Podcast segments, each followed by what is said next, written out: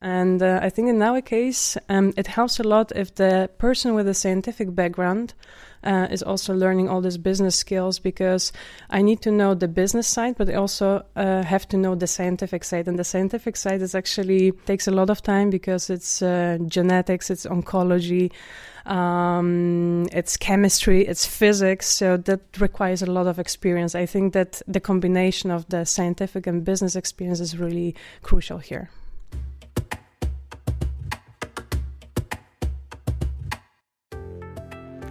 This is Out of the Box, a podcast by the Radboud Young Academy and Radboud Reflects on working in science and scholarship.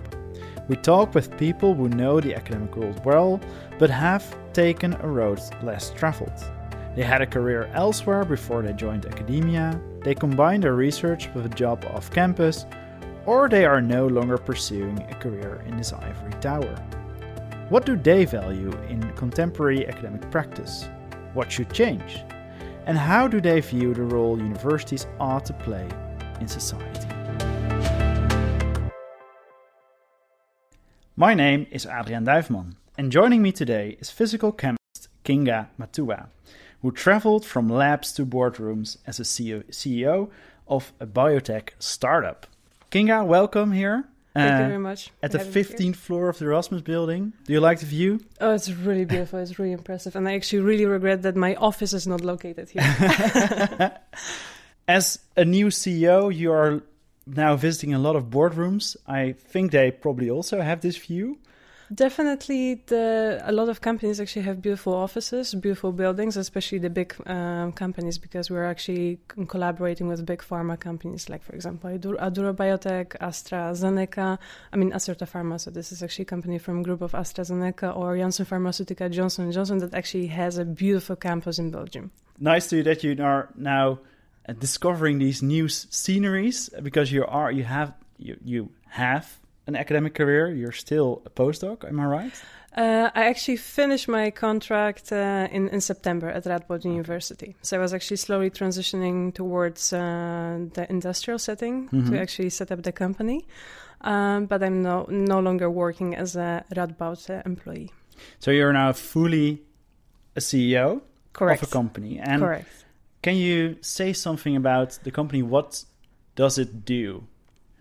So I would just try to keep it simple. So what we do, we actually combine high dimensional single cell biology with artificial intelligence to help pharma companies to make the whole drug development process uh, much more effective. So we created basically a method uh-huh. that allows us to look inside cells to see how drug molecules are interacting inside the cells to basically select the most promising drug candidates that should enter clinical trials. And if you would explain what your company does to your grandmother in, in one sentence or two sentences, how would you summarize all this? Um, so I'm actually playing kind of molecular detective, and I'm just trying to see how cells are reacting to chemicals that uh, that we are putting putting into in, into like you know into cells. And i'm trying actually to select um, uh, the most effective ones actually the most effective ones in terms of killing cells in killing cancer cells to basically cure different kind of diseases. Great. I think uh, being a molecular detective. sounds amazing uh, I, I, get this whole Sherlock Holmes vibe now. um, so you are CEO of this this new biotechnical startup. How does your to do list look like? What what does it entail? What do you do? Well, it actually changed a lot um, because when you're a scientist, you are mostly like you know planning your own experiments, ordering some reagents, um, teaching, of course, and so on. Uh, when you start to be CEO, um, it's a lot of learning. I mean, for me, it's actually learning because I don't have a business background. So I actually uh, did a lot of uh, courses during the past year where I was just trying to, like, you know, um, basically learn from scratch everything that is related to business, business models, uh, financial prognosis, legal stuff. Um, so currently, I'm actually writing a lot of grant proposals. I'm talking to investors. I'm arranging a lot of meetings with clients, also to get the feedback, to also engage with them, to arrange pilot trials. So basically, to launch the company. Um, I'm also going to conferences to basically promote the company to like you know gain more recognition in the field. Well, and I think that that's it. Also, we are arranging now the space in Pivot Park because we are planning to move um, to Oss uh, at the end of the year. So we are trying actually to set up our own offices and, and lab.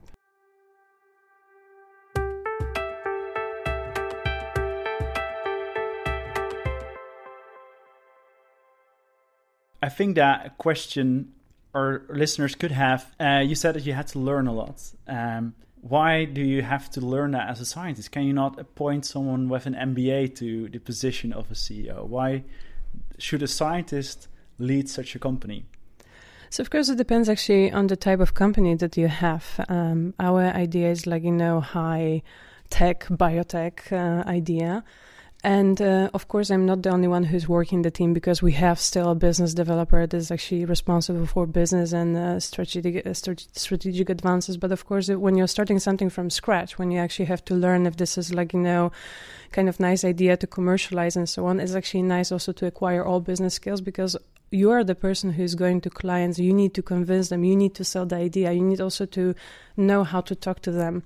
So there are a lot of this kind of business concept you are also to pitching to investors. And uh, i think in our case um, it helps a lot if the person with a scientific background uh, is also learning all these business skills because I need to know the business side, but I also uh, have to know the scientific side. And the scientific side is actually it doesn't it won't uh, it's not actually that every person can learn that like you know in two weeks or something like that. It's, it's not like that. Uh, it takes a lot of time because it's uh, genetics it's oncology um, it's chemistry it's physics. So that requires a lot of experience. I think that the combination of the scientific and business experience is really crucial here.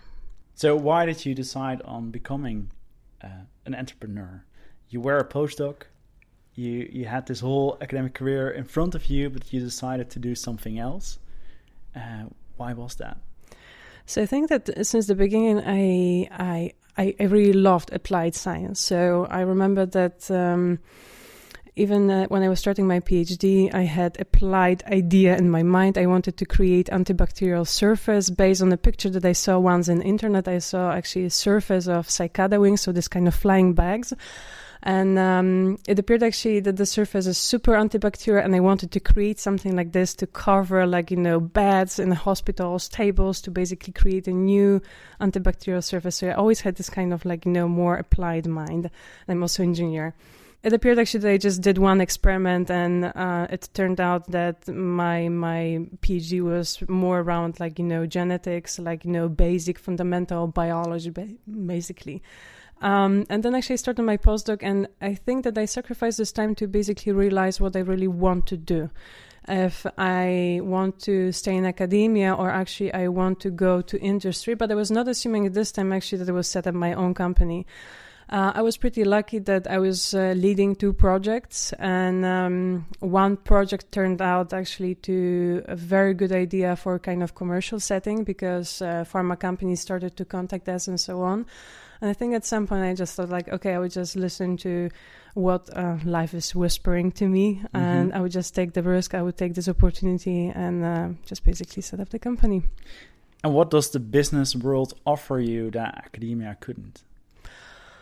I think the mm, mindset of zooming out, because actually I think that when we're creating the like you know different kind of technologies, methods, uh, when we are doing research, we are very much actually into our own like you know scientific bubble our own world. And actually i think that when you start to um, dive into this business side you really need to zoom out. You leave the scientific component like you know you just basically pack it pack it in a box and you just leave it for a moment and you have to zoom out and just ask yourself like you know okay i created this method and and so what and so what and you just need to dive like you know to the core to have this kind of nice bulky way of like you know phrasing what does it mean what is the bigger impact actually that you can create and like you know just zooming out really to to see what else you can do like you know um, basically thinking about different kind of applications and so on so you like to zoom out and to uh, you like that mentality of the business world are there also material differences or financial differences between what you could do in academia and what you can do as a startup? Definitely. I think that uh, first difference is the speed. And I think that this is also related to, to the issue of, of funding, of money, actually. If you have a good idea, you talk to investors, you get money, and you can really be focused and um, you can quickly move towards your milestones. Um, and in academia, it doesn't work so well, especially, for example, in my age. Um, there's there are a few grants that you can get, but um, regarding the let's say how expensive the method is actually that we are building and so on, I'll be not able to make so many experiments and also like you know to surround the whole method by artificial intelligence to hire a lot of people and so on. That will take me ages. Mm-hmm. And actually now when we are like you know doing the fundraising, so actually when I'm talking to VCs and so on, we can get money much faster we can build our team and actually think about bigger impact. So really long term goal. Would you then what you do with with the company? Do you see that as still as science? In my case, I can of course it probably depends what kind of company you have. For me, uh, the company is a tool to still do wonderful science and do uh, new inventions and actually bring the innovation to the market. Uh, I think that my vision for the company is basically to be oriented heavily uh, in R and D, to uh, basically hire a lot of uh, talents. And I think that talent attracts talent. Uh, so we want to have like you know mixture of senior, junior researchers, very heterogeneous environment where we have multiple nationalities to basically bring this creativity to create kind of like you know stimulating environment. So if you can do this wonderful science as you just said in a company, what could academia learn from the business world and from the entrepreneurs? Be more focused, speed, faster, do things faster, and I think bigger visions. Definitely, I think that a lot of scientists are afraid to think big, uh, to think about this kind of long-term goal, and um, to take the risk. Like you know that okay, I I I, th- I, think big and I may fail many times, but this is like you know part of the learning process. Yeah. But that sounds contradicting. That you said you have to be focused, but at the same time you should have a big vision. Yeah, I think that, uh, like you know, for me, I see the dot on the horizon, yes, and I'm actually like you know, um, like you know, heading there, yes. On on my way, I have a lot of milestones, so kind of checkup points to check if I'm on the right track, if we need to like you know, slightly rearrange the route, but still, actually, I'm I'm I'm seeing my goal. And in science, I, I have a feeling that sometimes we, when we find something exciting in research, we tend to like you know, branch our our vision, our like you know experiments and so on, and dive into a lot of details without actually, and at the same time, we are losing basically the focus. Because that is exciting that is exciting let's explore that. But at the same time you're just basically losing like you know the main goal from uh, from your perspective. Wouldn't that also be something you missed that there are all these side projects you could dive into and and go broad? Um, isn't that something you would also miss um, I have to see, I think, because I'm now starting, so um, I think I will be just able to say a bit more probably after a few years. Uh, but I'm very deadline, milestone oriented person, very structured person. So if I have a goal, I would like to achieve it in a time frame. Um, so I think that I like the approach of being really focused. Um, but of course, in the meantime, just to like you know, uh, just to prime my curiosity and creativity, I'll be reading a lot and like you know, uh, just think about uh, all possibilities. So you said that you have this dot on the horizon. If we would speak again in ten years, where would you be? Where would your company be? I hope that Curigen will grow fast, and I hope that my company will out- outgrow me that's that's my that's uh, that's my like you know kind of secret let's say dream that actually the company will be so successful that um, at some point maybe we'll need actually to change the CEO of the company. So actually we need a person with uh, with more experience, uh, with better expertise than I. Um, but I hope actually that there will be somewhere in the company I will just basically find a place for myself. So I hope actually that it will be a really successful idea, and actually we'll be able to um, develop better treatments for patients. So my goal is basically uh, the ultimate goal is actually to help people to develop better treatments, more effective treatments, to bring everything that will be more effective actually into clinical trials. So you you have this these ambitions for a better world that you um, try to reach or that you're going to reach via a company and not in an academic lab? Uh, well, I, I cannot exclude the option that, for example, I don't know, I would just come back to academia for some time. Um, never say never. I said actually during my studies I will never be working with biology, and now see what happens. Mm-hmm. I have also second idea that I would like to commercialize. So this is also my second project. Uh, we took part also in the Venture Challenge uh, this year with the second idea, and uh, there is a great pot- potential also for commercialization. That's the method actually to detect at the early stage metastatic cancer. So uh, when Curigen will be more, let's say, stable, I would like also at some point to sacrifice some time to also bring this idea to the market.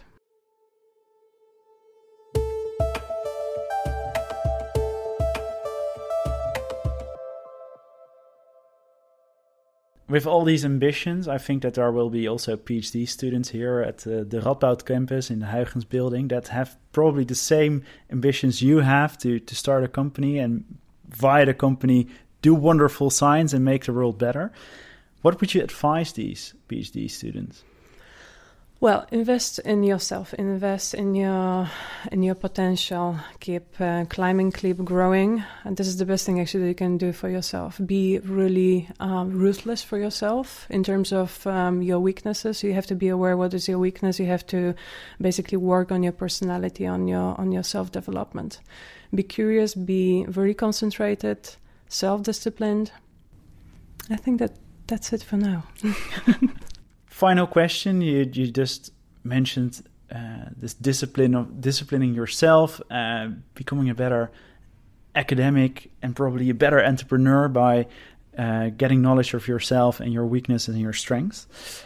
On a more institutional level if you could have the power to change something in academia and academia as you has have experienced it in the past few years what would you change um, definitely, I would just introduce more business courses or actually something that will help scientists to think actually from this more business perspective.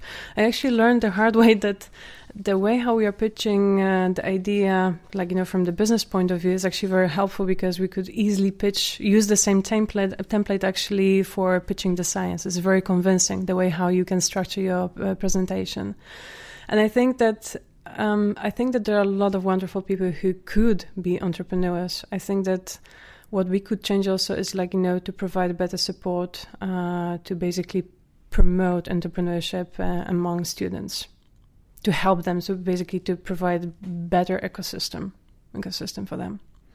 So from poster presentation to pitch in a boardroom, there's a lot to learn from the entrepreneurs. I think so. Yes. Okay. Yes. That's all for now. Until next time, thank you, Kinga, for this uh, wonderful interview. Thank you very much for having me here. It was a pleasure. You listened to an episode of Outside the Box Reflections on Dutch Academia, a podcast by Radboud Reflects and the Radboud Young Academy. This episode was made by Lise Glas, Nora Stel, Jidde Tempels, and Adrian Duiveman. Sarah Dans and Jelle de Vries were in charge of production. Editing was done by Esmee Moren, the music was composed by Tommy van het Hoofd, and the artwork was designed by Lina van Otterdijk. If you have questions, remarks, or ideas on the future of Dutch academia, let us know by reaching out to the Radboud Young Academy via Twitter or their website. Should you want to reflect further on other scientific, societal, and political affairs, then be sure to follow Radboud Reflects on social media. That's all for now. Until next time.